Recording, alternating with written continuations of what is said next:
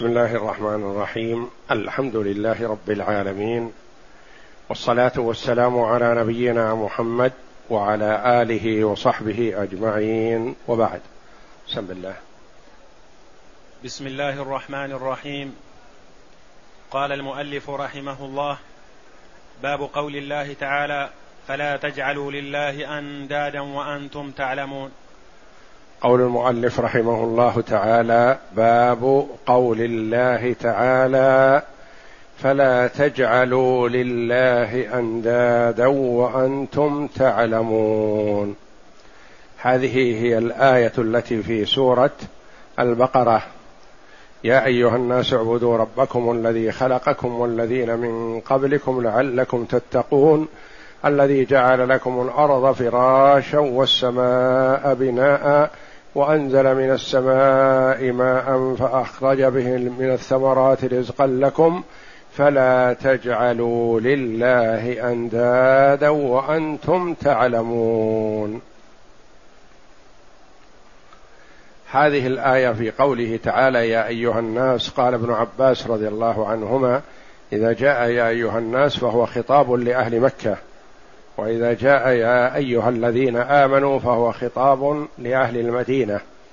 فالنداء باسم الإيمان للمؤمنين خاصة والنداء باسم الناس فهذا يشمل المؤمن والكافر. يا أيها الناس اعبدوا ربكم الذي خلقكم والذين من قبلكم لعلكم تتقون. يأمر الله جل وعلا عباده بعبادته وحده لا شريك له. ويبين جل وعلا أنه هو الموجد لهم من العدم وهو القادر على إفنائهم فهو الذي خلقهم وهو المستحق للعبادة. والذين من قبلكم لعلكم تتقون الذي جعل لكم الأرض فراشا والسماء بناء وأنزل من السماء ماء فأخرج به من الثمرات رزقا لكم فهو المنعم عليكم فهو المتفضل عليكم المعطيكم من النعم ما تصلح به أحوالكم. فلا يليق أن تصرفوا العبادة لغيره. واستدل جل وعلا بتوحيد الربوبية على وجوب توحيد الألوهية. فهم موحدون يوحدون الله بتوحيد الربوبية. يعرفون أن آلهتهم لا تخلق ولا ترزق ولا تحيي. ولا تميت. وإنما يعرفون أن الله هو الذي خلقهم وهو الذي رزقهم وهو الذي يحيي وهو الذي يميت. لكنهم في العبادة يجعلون معه غيره. فيقول تعالى الذي خلقكم والذين من قبلكم وهو الذي رزقكم وهو الذي يحييكم ويميتكم. أنتم معترفون بهذا؟ فالواجب حينئذ مع هذا الاعتراف أن تكون العبادة له وحده. ولا يليق أن يشرك به غيره لأنه الواحد جل وعلا ولا ند له ولا شبه له ولا نظير له. وعلماء السلف رحمة الله عليهم يستدلون بالآيات الواردة في توحيد الألوهية وفي نفي الشرك الأكبر على نفي الشرك الأصغر. والباب أورده المؤلف رحمه الله تعالى للتحذير والنهي من الشرك الأصغر الذي وقع فيه كثير من الناس. كما سيأتي يتكلمون بكلام وبعبارات آه، توقعهم في الشرك الأصغر. والشرك الأصغر أكبر من الكبائر. الشرك الأصغر دون الشرك الأكبر لأن الشرك الأكبر مخرج من ملة الإسلام. والشرك الأصغر لا يخرج من الملة عند أهل السنة والجماعة لكنه أكبر من الكبائر.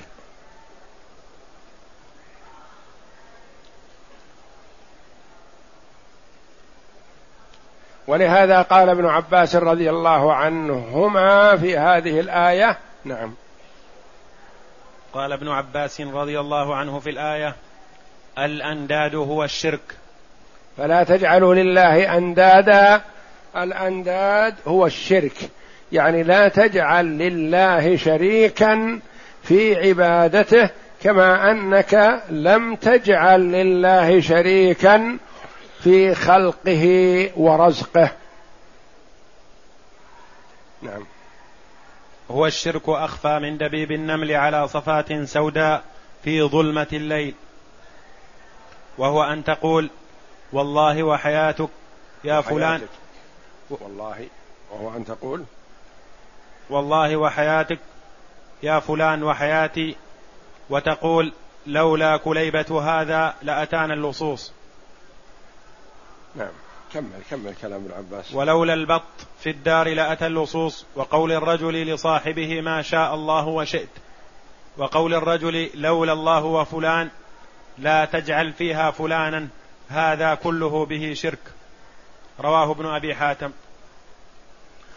ابن عباس الرحمة رضي الله عنه يفسر هذه الآية الكريمة الذي هو ترجمان القرآن وحبر هذه الأمة رضي الله عنه الذي دعا له النبي صلى الله عليه وسلم بقوله اللهم فقهه في الدين وعلمه التأويل يقول الأنداد في قوله تعالى فلا تجعلوا لله أندادا وأنتم تعلمون لا تجعل لله ندا لا تجعل لله ندا لا في الشرك الشرك الأكبر ولا في الشرك الأصغر. فهو في الشرك الأكبر يجعل لله ندا يعني يعبد مع الله غيره. وفي الشرك الأصغر يجعل لله ندا في القسم به تعالى وبغيره. وفي تعليق المشيئة على مشيئته ومشيئة غيره ونحو ذلك كما سيبين. قال الأنداد الشرك ايا كان أصغر أو أكبر. أخفى من دبيب النمل على صفات سوداء في ظلمة الليل. يعني أن الشرك الأصغر في هذه الأمة ما يسلم منه إلا القليل. لما؟ لأنه خفي.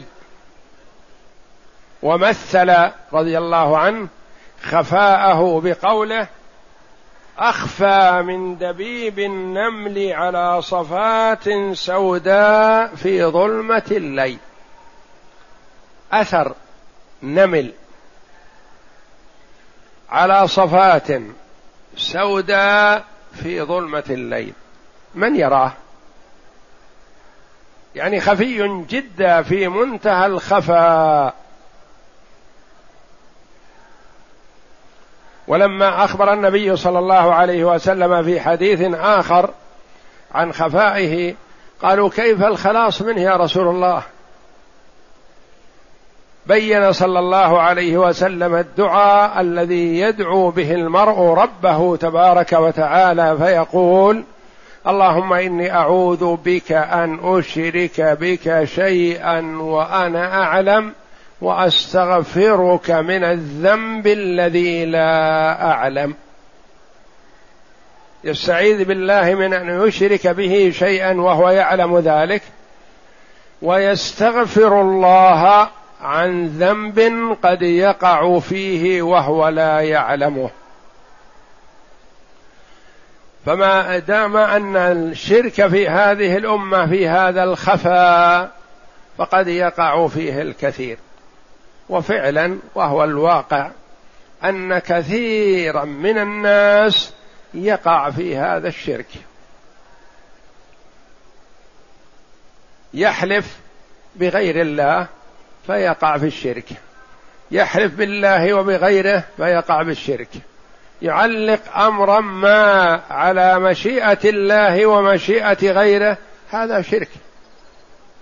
فالله واحد أحد لا يجوز أن يشرك معه غيره كائنا من كان. ثم فسره رضي الله عنه بقوله وهو أن تقول والله وحياتك. والله وحياتك. هذا فيه خطأ. لأنه أولا حلف مع الله بغير الله. حلف بالله وحلف بحياتك. وهذا نوع من أنواع الشرك. ثم إن العطف بالواو خطأ. لأن العطف بالواو يقتضي المساواة والمشاركة. ولا يجوز أن يسوى مع الله غيره كائنا من كان. أفضل الخلق أفضل البشر محمد صلى الله عليه وسلم لا يجوز أن يقسم به ولا أن يقسم بالكعبة ولا أن يقسم بالأبوين. فهذا نوع من أنواع الشرك في تفسير ابن عباس. قليل من يسلم من هذا كثير يقسم بحياتك. يقول وحياتي وحياتك. والنبي. مثلا يقول لا والنبي لا والله والنبي ونحو ذلك. هذا شرك. وقليل من يسلم من هذا أو يحلف بالكعبة أو يحلف بأبي أو يحلف بأمي أو نحو ذلك. كل هذا من الشرك. وهو أن تقول والله وحياتك يعني حلفت بالله وحلفت بحياة المخاطب. ولا يجوز للأمرين السابقين لأنه اولا حلف بغير الله ثانيا تشريك مع الله بالواو. وحياة و والله وحياتك يا فلان وحياتي. حياتي يعني حياة المخاطب المتكلم نفسه. وتقول لولا كليبة هذا لأتانا اللصوص. كليبة تصغير كلبة. وهي أنثى الكلاب. والكلاب يجوز أن تتخذ للحراسة. استثنى النبي صلى الله عليه وسلم من تحريم اقتناء الكلب إلا لحراسة أو للغنم أو للصيد. فمثلا لحراسة الزرع أو حراسة الغنم أو حراسة البيت أو نحو ذلك إذا كان هذا هو الأدب. أما إذا كان كما يتخذه بعض الناس اليوم لا للحراسة وإنما تقليدا للإفرنج فهذا محرم. وينقص من أجره كل يوم قيراطان إذ باقتناء الكلب والعياذ بالله. متى يحصل القراط والقراطين؟ فاقتناء الكلب محرم إلا لمصلحة للفائدة للحراسة مثلا أو للصيد أو للماشية مع الغنم يحميها عن الذئب ونحو ذلك. فيقول تعليق هذا الأمر على الكليبة لولا كليبة هذا لأتانا اللصوص. هذا نوع من أنواع الشرك الأصغر. والشرك الأصغر أكبر من الكبائر. وإنما عليه أن يقول لولا الله وإن شاء قال لولا الله ثم كليبة هذا أو كلب هذا ونحو ذلك لحصل ما حصل. ودارج على الألسنة الآن كثير. يقول لولا السائق مثلا هلكنا. لولا كذا حصل كذا. لولا الطبيب حصل كذا. لولا أني ذهبت أو أو فعلت أو فعل فلان كذا لحصل كذا. كل هذا لا يجوز. وإنما لولا الله لأنه هو المسبب وهو الموجد للشيء وهذا سبب. ولا يجوز أن تنسب الأمور إلى سببها ولا أن يشرك السبب مع الله جل وعلا. لولا كليبة هذا لأتانا اللصوص ولولا البط في الدار لآتى اللصوص. البط طير يتخذ للحراسة لأنه إذا رأى من نوع مثلا بعض الطيور إذا رأى الأجنبي دخل أو قرب من الدار بدأ ينعق بدأ ينادي يظهر له صوت حتى ينبه أهل الدار بأنه جاءكم شخص غريب. فتعليق الحماية على هذا البط أو على غيره من الطير أو من أنواع الحراسة كل هذا نوع من أنواع الشرك. وإنما الحافظ والواقي هو الله جل وعلا وهذا سبب من الأسباب. فهذا ما يستطيع أن ينفع نفسه ولا يضر غيره. وإنما الله جل وعلا جعله سبب. فإذا لم يرده جل وعلا أنامه. نام وما دري عن سارق ولا عن غيره. وقول الرجل لصاحبه ما شاء الله وشئت. قرن بين مشيئة الله ومشيئة غيره والمشيئة لله جل وعلا وحده وهو المتصرف وحده وهو الذي تعلق الأمور على مشيئته. ما شاء الله كان وما لم يشأ لم يكن. ومشيئة العبد تابعة لمشيئة الله وليست منفردة وليست فاعلة ولا بيده من الأمر شيء. وإلا فالله جل وعلا أثبت للعبد مشيئة في قوله تعالى وما تشاءون إلا أن يشاء الله أثبت للعبد مشيئة لكنه جعلها جل وعلا تابعة لمشيئته سبحانه وليست مستقلة. وقول الرجل لصاحبه ما شاء الله وشئت. ما يجوز مثل هذا وإنما تقول ما شاء الله وتقف. وإذا أردت أن تبين من السبب تقول ما شاء الله ثم شئت أو ما شاء الله ثم شاء فلان. وقول الرجل لولا الله وفلان. كذلك ما يجوز أن تقول إن نجاتنا بفلان أو نجاتنا بالله وبفلان وإنما النجاة من الله وإن شئت أن تبين السبب تقول ثم. لأنه كما تقدم أمس أن ثم تدل على الترتيب والتراخي يعني أن ما بعدها تابع لما قبلها بخلاف الواو فهي تدل على المساواة والمشاركة. إذا قلت مثلا جاء زيد وعمر يعني اشتركوا في المجيء. إذا قلت جاء زيد ثم جاء عمرو دل هذا على أن مجيء عمرو كان تابعا لزيد بعد زيد.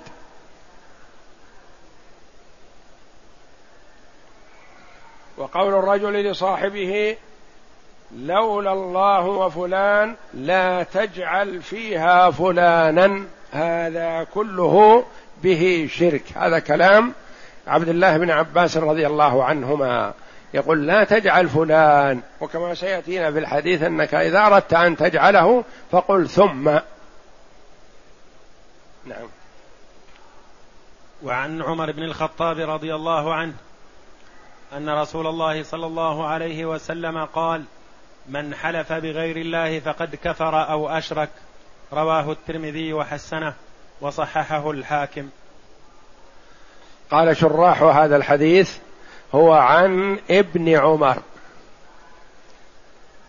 وإنما يمكن سقطت ابن في النسخ الأول فجاءت في الكتاب في كتاب التوحيد وعن عمر. والصحيح أنها عن الحديث هذا عن ابن عمر عن عبد الله بن عمر رضي الله عنهما أن رسول الله صلى الله عليه وسلم قال من حلف بغير الله فقد كفر أو أشرك. فقد كفر أو أشرك. هذا في احتمال أنه أن الراوي شك هل قال النبي صلى الله عليه وسلم كفر أو قال أشرك فقال كذا. ويحتمل أن الواو أو هذه جاءت بمعنى الواو أي من حلف بغير الله فقد كفر وأشرك. يعني كفر كفر غير مخرج من الملة وأشرك الشرك الأصغر. إلا إذا وقع في نفسه تعظيم المحلوف به مثل تعظيم الله فهذا كفر وشرك مخرج من الملة والعياذ بالله. لأنه سوى بين الله وبين غيره في التعظيم في نفسه. وحال كثير ممن يدعون الإسلام ويحلفون بغير الله حال كثير منهم أنه يعظم هذا المحلوف به أكثر من تعظيمه لله. لأن كثيرا ممن يحلف بغير الله لو قيل له احلف بالله حلف ولا يبالي. وإذا قيل له احلف بالسيد أو بالولي أو بعلي أو بالحسين أو بالحسن أو بغيرهم أو بعبد القادر الجيلاني اخذه ما قرب وما بعد. وحسب لذلك ألف حساب. ولا يحلف بهذا المخلوق إلا إذا كان متأكد من يمينه لأنه يخاف من هذا المخلوق أكثر من خوفه من الله جل وعلا. فهذا والعياذ بالله كفر أكبر مخرج من الملة. إذا عظم غير الله أكثر من تعظيمه لله خرج من ملة الإسلام والعياذ بالله. من حلف بغير الله فقد كفر أو أشرك. يعني هذا إذا كان دارج على اللسان. تعود الحلف بغير الله يقال هذا كفر وهذا شرك غير مخرج من الملة. أما إذا قصد في قلبه تعظيم هذا المخلوق مثل تعظيمه لله أو أكثر من تعظيمه لله خرج من الإسلام والعياذ بالله.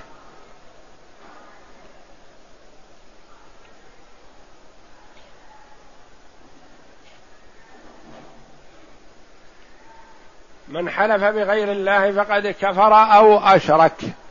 قد يقول قائل جاء عن النبي صلى الله عليه وسلم قوله أفلح وأبيه إن صدق. وهذه في صحيح مسلم.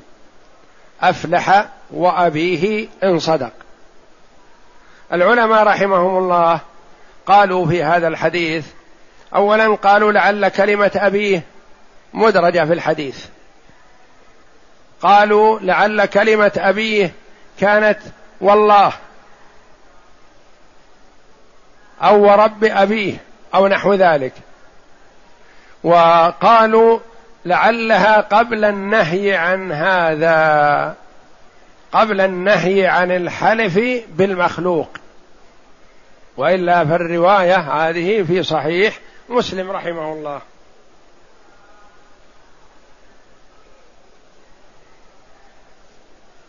يقول رحمه الله والجواب عن هذا من وجوه الأول أن بعض العلماء أنكر هذه اللفظة. يعني وابيه قال أفلح إن صدق. الثاني أنها تصحيف من بعض الرواة والأصل أفلح والله إن صدق بدل أبيه.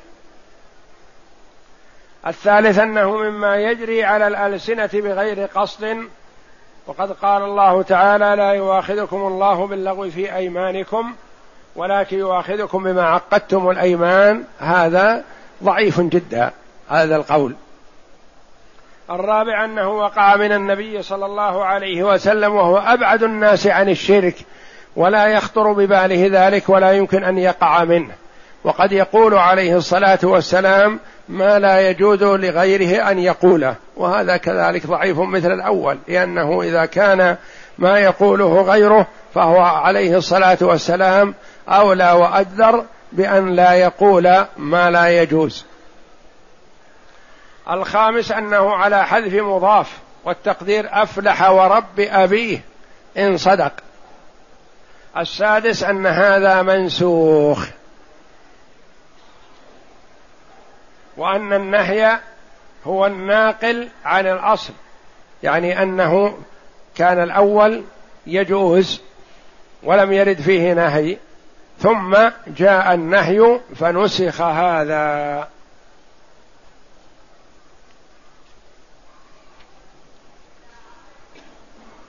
نعم.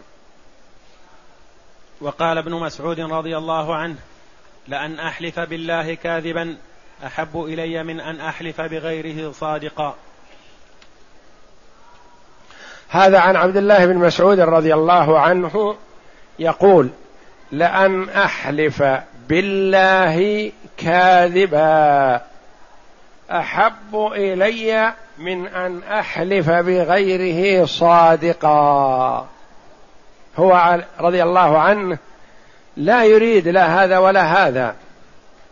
لكن يقول لو ابتليت أحلف بالله وأنا كاذب أحب إلي من أن أحلف بغير الله وأنا صادق. ولم نعم لأن الحلف بالله فيه توحيد وحسنة التوحيد عظيمة والكذب كبيرة. من كبائر الذنوب سيئة. فيه حسنة التوحيد وسيئة الكذب. والحلف بغير الله شرك. فيه سيئة الشرك. مع الصدق فيه حسنة الصدق. وازن بين سيئة الشرك مع حسنة الصدق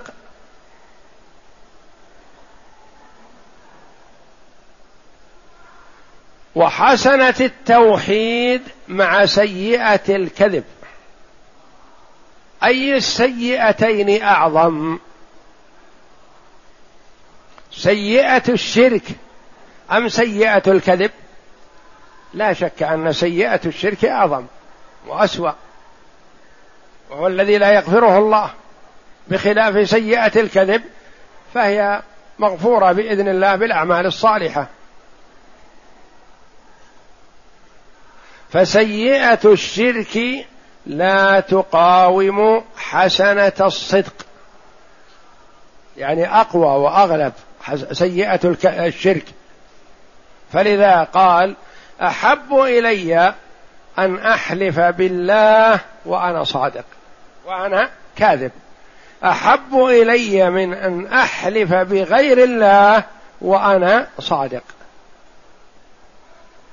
لأن حسنة الصدق لا تقاوم ولا تقابل سيئة الشرك. فلذا حذر رضي الله عنه من أن يحلف المرء بغير الله وإن كان صادقا. نعم. وعن عزيفة رضي الله عنه أن رسول الله صلى الله عليه وسلم قال لا تقولوا ما شاء الله وشاء فلان ولكن قولوا ما شاء الله ثم شاء فلان رواه أبو داود بسند صحيح. وعن حذيفة رضي الله عنه وحذيفة بن اليمان رضي الله عنه صاحب سر رسول الله صلى الله عليه وسلم. أعلمه الرسول صلى الله عليه وسلم بأسماء بعض المنافقين. ويسمى حذيفة صاحب السر صاحب سر رسول الله صلى الله عليه وسلم. ولعل الغرض والله أعلم من أجل أن يتتبع أحوالهم وينتبه لهم ولما يخططون ويعملون حتى لا يوقعوا بالمسلمين على غرة. فينتبه لهم ومن قوة إيمان عمر رضي الله عنه وخوفه على نفسه النفاق يسأل حذيفة رضي الله عنه يقول بحقي عليك لأن للراعي حق على الرعية. بحقي عليك هل سماني لك رسول الله صلى الله عليه وسلم من المنافقين؟ فيقول حذيفة رضي الله عنه لا ولا أزكي بعدك أحدا. يقول حذيفة رضي الله عنه كان الناس يسألون رسول الله صلى الله عليه وسلم عن الخير وكنت أسأله عن الشر مخافة أن يدركني. فيحذر المسلم من الوقوع في الشر ويسأل عن الشر حتى لا يقع فيه. ويقول عمر رضي الله عنه إنما تنقض عرى الإسلام عروة عروة إذا نشأ في الإسلام من لا يعرف الجاهلية. وفعلا وهو الواقع اليوم. كثير ممن يدعي الإسلام واقع في الشرك لأنه ما عرف الجاهلية. فوقع في الشرك من حيث لا يشعر. تجده يصلي ويصوم ويدعو الله ويشهد أن لا إله إلا الله وأن محمدا رسول الله ثم يتوجه إلى صاحب القبر أو الضريح أو الولي أو السيد ويقف بين يديه خاشعا ذليلا مستكينا متضرعا. يسأل هذا الميت ما لا يقدر عليه إلا الله جل وعلا. هذا هو الشرك الأكبر. وقع فيما وقع فيه أبو جهل وأبو لهب. لكن أبو جهل وأبو لهب أبوا أن يقولوا لا اله لا إله إلا الله لأنهم يعرفون معناها وأنه إذا قالها يجب أن يجتنب الشرك كله وهو لا يريد ذلك. وهذا المسكين يقول لا إله إلا الله وأن محمد رسول الله لكن لكونه ما عرف معناها حقيقة يناقضها في الحال. صرع يقول حذيفة رضي الله عنه عن النبي صلى الله عليه وسلم لا تقولوا ما شاء الله وشاء فلان.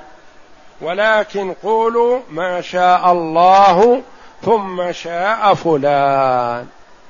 النبي صلى الله عليه وسلم لا يمنع الناس من شيء ما إلا ويفتح لهم الطريق الصحيح. وهكذا الشريعة الإسلامية بحذافيرها. ما تمنع عن شيء إلا وتجعل ما هو خير للإنسان وللمجتمع مما منعت منه.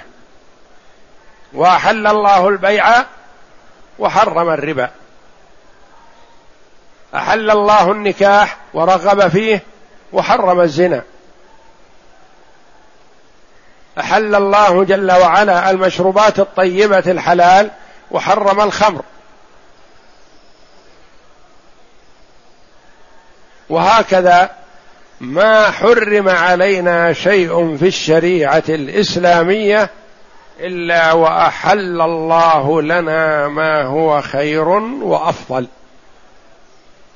لا تقولوا ما شاء الله وشاء فلان لأن في هذا تشريك بين الله وفلان. وقرن المشيئتين كأنهما سواء. ولكن قولوا ما شاء الله ثم شاء فلان. لولا الله ثم فلان. ما شاء الله ثم شاء فلان. لما؟ لأن ثم تدل على أن ما بعدها تابع لما قبلها وليس مساويا له. ما شاء الله وشاء فلان الواو تدل على المساواة. يعني مشيئة الله ومشيئة فلان سواء. سارتا معا.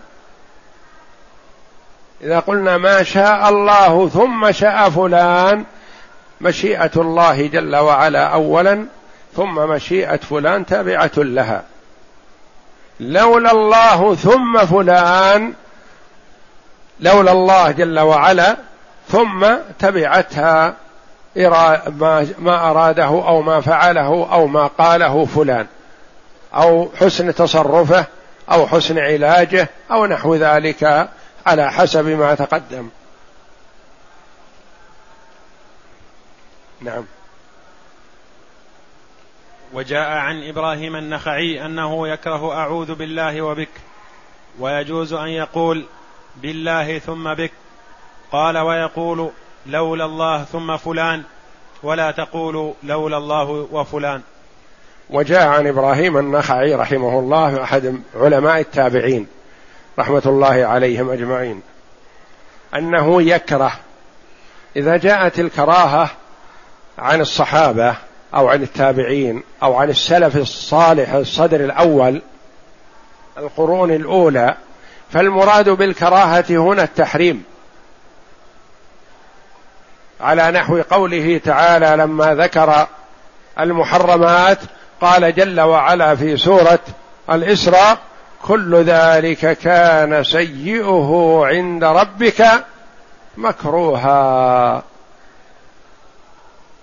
ومن ضمنها الشرك. فهل الشرك مكروه بالاصطلاح الحادث؟ لا. الشرك محرم وهو أعظم المحرمات. أنه يكره يعني هذا كراهة التابعين يعني يحرم يمنع من هذا. يكره أعوذ بالله وبك يعني أن قول الرجل أعوذ بالله وبك محرم. والعياذ بالمخلوق لا يخلو. إن كان مما يقدر عليه فيجوز بالعطف بثم. وإن كان ممن لا يقدر عليه فلا يجوز ولا العطف بثم. تقول مثلا لواحد أنا أعوذ بالله ثم بك من شر خادمك من شر ولدك. أعوذ بالله ثم بك من شر جارك. أعوذ بالله ثم بك تقول للامير من شر واحد من أفراد رعيتك. هذا جائز لأنك اولا استعذت بالله ثم عطفت بثم. واستعذت بهذا المخلوق من شر مخلوق يقدر على صرفه عنك. أما إذا جاء عند القبر ونادى الميت وقال أعوذ بالله ثم بك من شر جاري أو من شر فلان فهذا شرك لأنه لا يجوز. ولو قلت ثم لأن هذا ميت ولا يستطيع أن يعيذك. إذا استعذت بمن يعيذك فنعم. واعطف بثم ولا تشرك بالواو.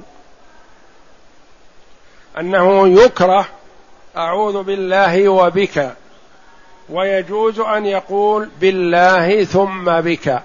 يعني فيما يستطيع أن يعيذك منه.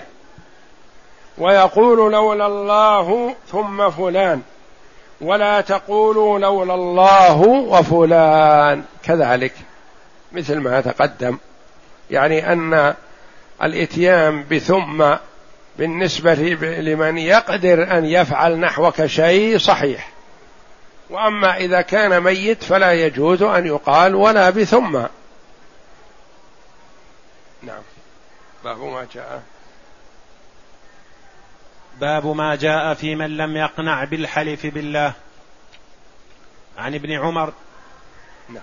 أن رسول الله صلى الله عليه وسلم قال لا تحلفوا بآبائكم.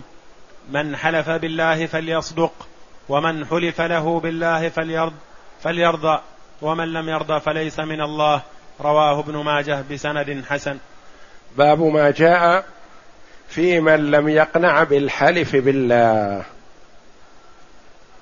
الواجب على المسلم أن يكون في قلبه تعظيم لله جل وعلا وإكبار له.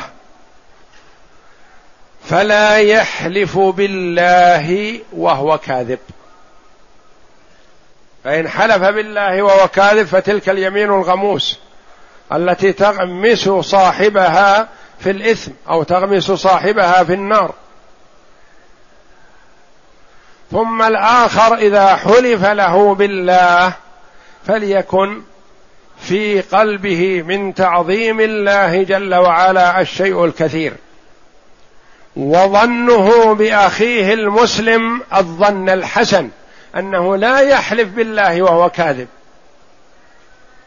فإذا كان كذلك فيرضى ويعذر أخاه إذا اعتذر إليه وحلف بالله أو إذا بين له أنه ما قصد الأذى أو ما قصد كذا وحلف له بالله فليرضى. يعني ليكن في قلبه تعظيم لله وحسن ظن بأخيه المسلم. عن ابن عمر رضي الله عنهما أن رسول الله صلى الله عليه وسلم قال لا تحلفوا بآبائكم لأن الحلف بغير الله شرك كما تقدم. من حلف بالله فليصدق. يعني ليكن حلفه بالله وحده. ثم إذا حلف بالله فليصدق. وليجتنب الكذب. وليحذر أن يحلف بالله وهو كاذب. لأن الحلف بالله والإنسان كاذب متعمد للكذب هذا كبيرة من كبائر الذنوب وهي اليمين الغموس التي تغمس صاحبها في الإثم. أما إذا حلف بالله وهو صادق فلا تضيره اليمين. لقول عمر رضي الله عنه لا تمنعكم اليمين من حقوقكم والله إن في يدي عصا ويشير بالعصا في يده رضي الله عنه. يعني إذا كان الإنسان صادق وحلف بالله فلا تضيره اليمين. ومن حلف بالله فليصدق. والحلف بالله والإنسان صادق كما تقدم توحيد لله جل وعلا وتعظيم له. ومن حلف له بالله فليرضى. إذا حلف لك أخوك المسلم بالله فلترضى بيمينه ولتحمله على أحسن المحامل. تحمله ما دمت أنت معظما لله جل وعلا. فتحمل أخاك على أنه معظم لله جل وعلا وأنه لا يحلف وهو كاذب. واليمين الغموس هي التي يقصد فيها المرء. اليمين يحلف باليمين وهو يعلم أنه كاذب. هذه غموس. أما إذا حلف بناء على غلبة ظنه وليس فيها قطع محق من حقه فيجوز للمرء أن يحلف على غلبة ظنه. كما حلف النبي الرجل عند النبي صلى الله عليه وسلم في قوله والله ما بين لابتيها أهل بيت أفقر من أهل بيتي. هذا غلبة ظنه رضي الله عنه وإلا فلا يدري قد يوجد. إذا كان هو بات ليلة أو ليلتين طاويا فقد يوجد من بات ثلاث ليال طاويا. قد يوجد من هو أفقر منه لكنه قال هذا بناء على غلبة ظنه رضي الله عنه. فهو الذي وهذا يحكي لنا صفة الإنسان وشدة طمعه. جاء خائفا من الحكم الشرعي الذي سيصدر عليه ومتوقعا البلاء والعذاب الشديد. وخائفا من عذاب الآخرة. وجاء يقول للنبي صلى الله عليه وسلم هلكت وأهلكت. هلك في نفسه وأهلك غيره أهلك زوجته وقعها في نهار رمضان. وطلب من قومه الشفاعة له فلم يشفعوا. رفضوا وقالوا لا أنت الجاني وأنت المخطئ. أنت اذهب للنبي وحدك. ولا نذهب معك. لا ندري ماذا يقول لنا النبي صلى الله عليه وسلم. ربما يغضب علينا فيغضب علينا الله. فلا نتعرضك. فذهب خائفا وجلا.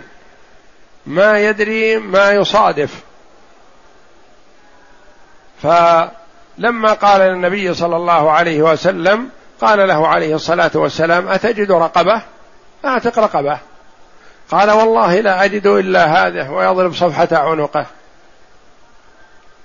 قال تصوم شهرين متتابعين؟ كفارة. قال يا رسول الله وهل وقعت فيما وقعت فيه إلا بسبب الصيام؟ ما أستطيع أصوم يوم واحد علشان أصوم شهرين متتابعين. وقعت في نهار رمضان على زوجتي. قال أطعم ستين مسكينا. قال والله لا أجد وقد بت البارحة طاويا أنا وأهلي ما عندنا شيء. فجلس عند النبي صلى الله عليه وسلم. فبعد وقت يسير أتى شخص بصدقة. فقال النبي صلى الله عليه وسلم أين السائل؟ قال ها أنا ذا يا رسول الله. قال خذ هذا فأطعمه ستين مسكينا. قال يا رسول الله على أهل بيت أفقر من أهل بيتي؟ والله ما بين لابتيها أهل بيت أفقر من أهل بيتي. طمع في هذا التمر ما يريد أن يعطيه غيره يريد أن يطعمه أهله. فضحك النبي صلى الله عليه وسلم حتى بدت نواجذه فقال أطعمه أهلك. عليه الصلاة والسلام الرؤوف الرحيم بالأمة. عليه الصلاة والسلام. فالحلف على بناء على غلبة الظن. ولم يكن فيه قطع محق من حقه جائز لأن النبي صلى الله عليه وسلم ما أنكر على هذا الرجل ما قال له لا تحلف ربما يكون في أفقر منك. وهل أحطت بأهل المدينة كلهم؟ هل عرفت أحوالهم كلهم؟ فأقره النبي صلى الله عليه وسلم. فليرضى ومن لم يرضى فليس من الله. هذا من أحاديث الوعيد. فليس من الله. هذا وعيد شديد. إذا لم يرضى المسلم بمن حلف له بالله يعني ما قنع بالحلف بالله. لأن بعض الناس والعياذ بالله إذا قيل له نحلف لك بالله قال لا احلف باللي بالسيد الفلاني احلف بالولي احلف بكذا احلف بكذا. فهذا يقع عليه هذا الوعيد الشديد فليس من الله. فيه تحذير للمسلم من أن لا يرضى بالحلف بالله. وعليه أن يحمل أخاه المسلم على أحسن المحامل على أنه صادق في يمينه فيصدقه. ثم المآل إلى الله جل وعلا. إن كان المرء صادقا فلا تضيره اليمين وإن كان المرء كاذبا في يمينه فهي اليمين الغموس التي تغمس صاحبها في الإثم والعياذ بالله. تغمس صاحبها في النار. والله أعلم. وصلى الله وسلم وبارك على عبده ورسول نبينا محمد وعلى آله وصحبه أجمعين.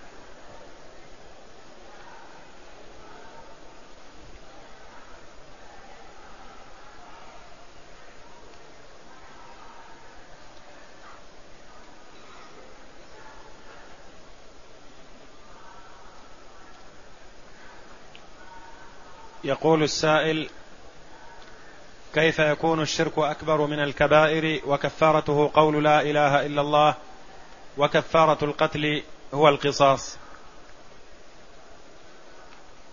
نعم يكون هذا. الشرك الأكبر الشرك الأكبر والكفر والعياذ بالله أعظم الذنوب. ولا إله إلا الله. كلمة التوحيد هي أعظم الحسنات. فناسب أن يكون كفارة أكبر الكبائر أفضل الحسنات. كلمة لا إله إلا الله عظيمة جليلة. يقول الله جل وعلا في الحديث القدسي الذي ورد أن موسى عليه السلام قال يا ربي علمني شيئا أذكرك وأدعوك به. قال يا موسى قل لا إله إلا الله. هذه أفضل كلمة وأفضل دعاء وأفضل الذكر. قال يا ربي كل عبادك يقولون هذا فكأنه عليه السلام يريد شيئا يستأثر به. فقال يا موسى لو أن السماوات السبع عامرهن غيري والأرضين السبع في كفة ولا إله إلا الله في كفة مالت بهن لا إله إلا الله. ليست من السهولة بمكان. فلا تستسهلها أنها كفارة الشرك. لا يقوم لها شيء. والعبادات توقيفية. فما يجوز لك أن تقول مثلا كفارة هذه الكذبة مثلا سبحان الله والحمد لله ولا إله إلا الله والله أكبر لأنها كلمة عظيمة. لا.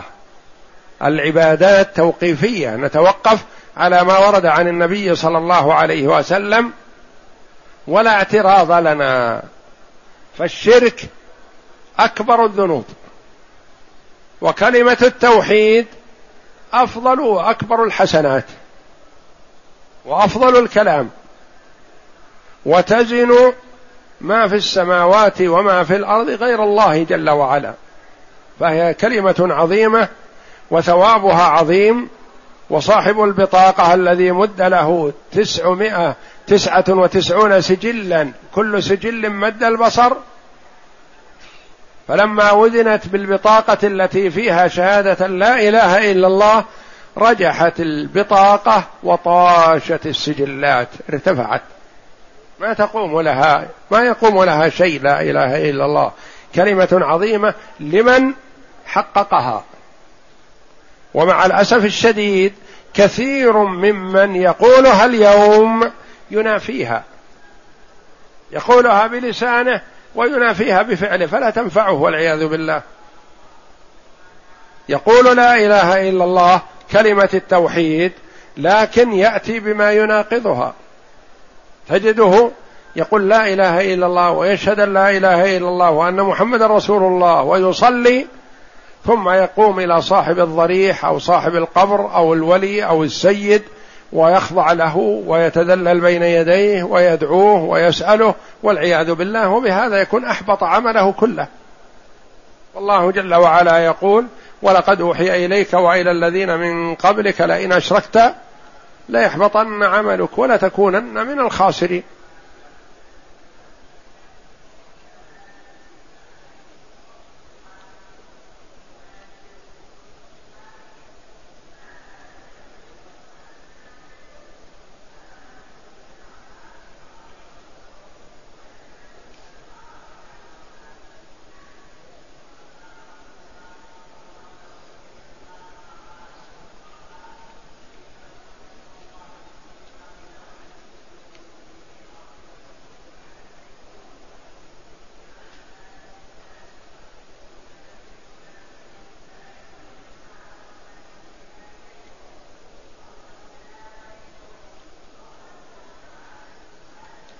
يقول السائل ما حكم الشرك الأصغر في الآخرة؟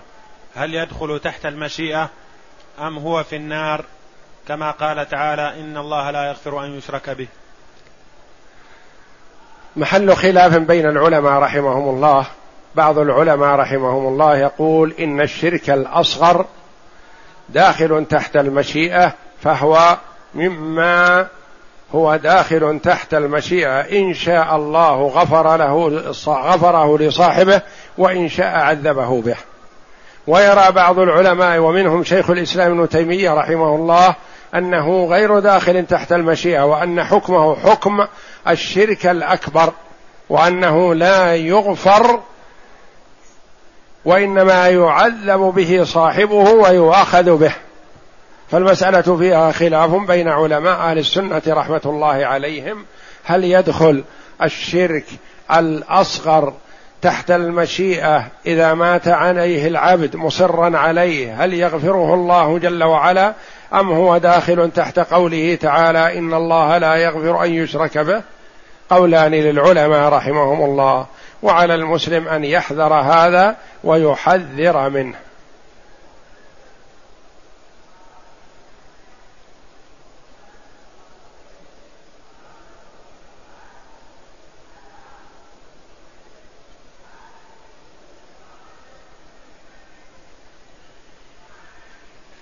يقول كيف تكون المعاملة مع من يذبح لغير الله ويدعو غيره مع علمهم بحرمة هذا ويقولون إنا نفعل هذا من باب العادة لا من باب الشرك؟ ما يجوز مثل هذا والعبادات ما تدخل في العادات. الشيء المحرم عبادة لله تبارك وتعالى لا تبيحه العادة. والذبح لغير الله شرك أكبر مخرج من الملة. يقول الله تعالى قل إن صلاتي ونسكي ومحياي ومماتي لله رب العالمين. قل إن صلاتي ونسكي نسكي ذبحي. فالذبح لله جل وعلا عبادة وقربة والذبح لغير الله شرك أكبر مخرج من الملة. ولا يجوز للمرء أن يتحجج بأن هذا عادة الآباء والأجداد.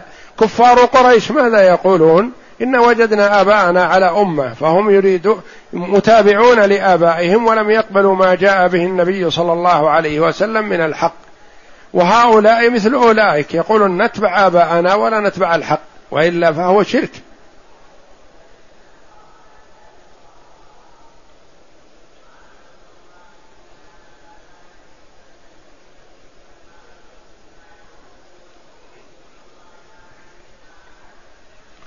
يقول إنه جاء بعمرة وأداها ثم توجه إلى جدة وأقام بها أياما ثم أحرم من جدة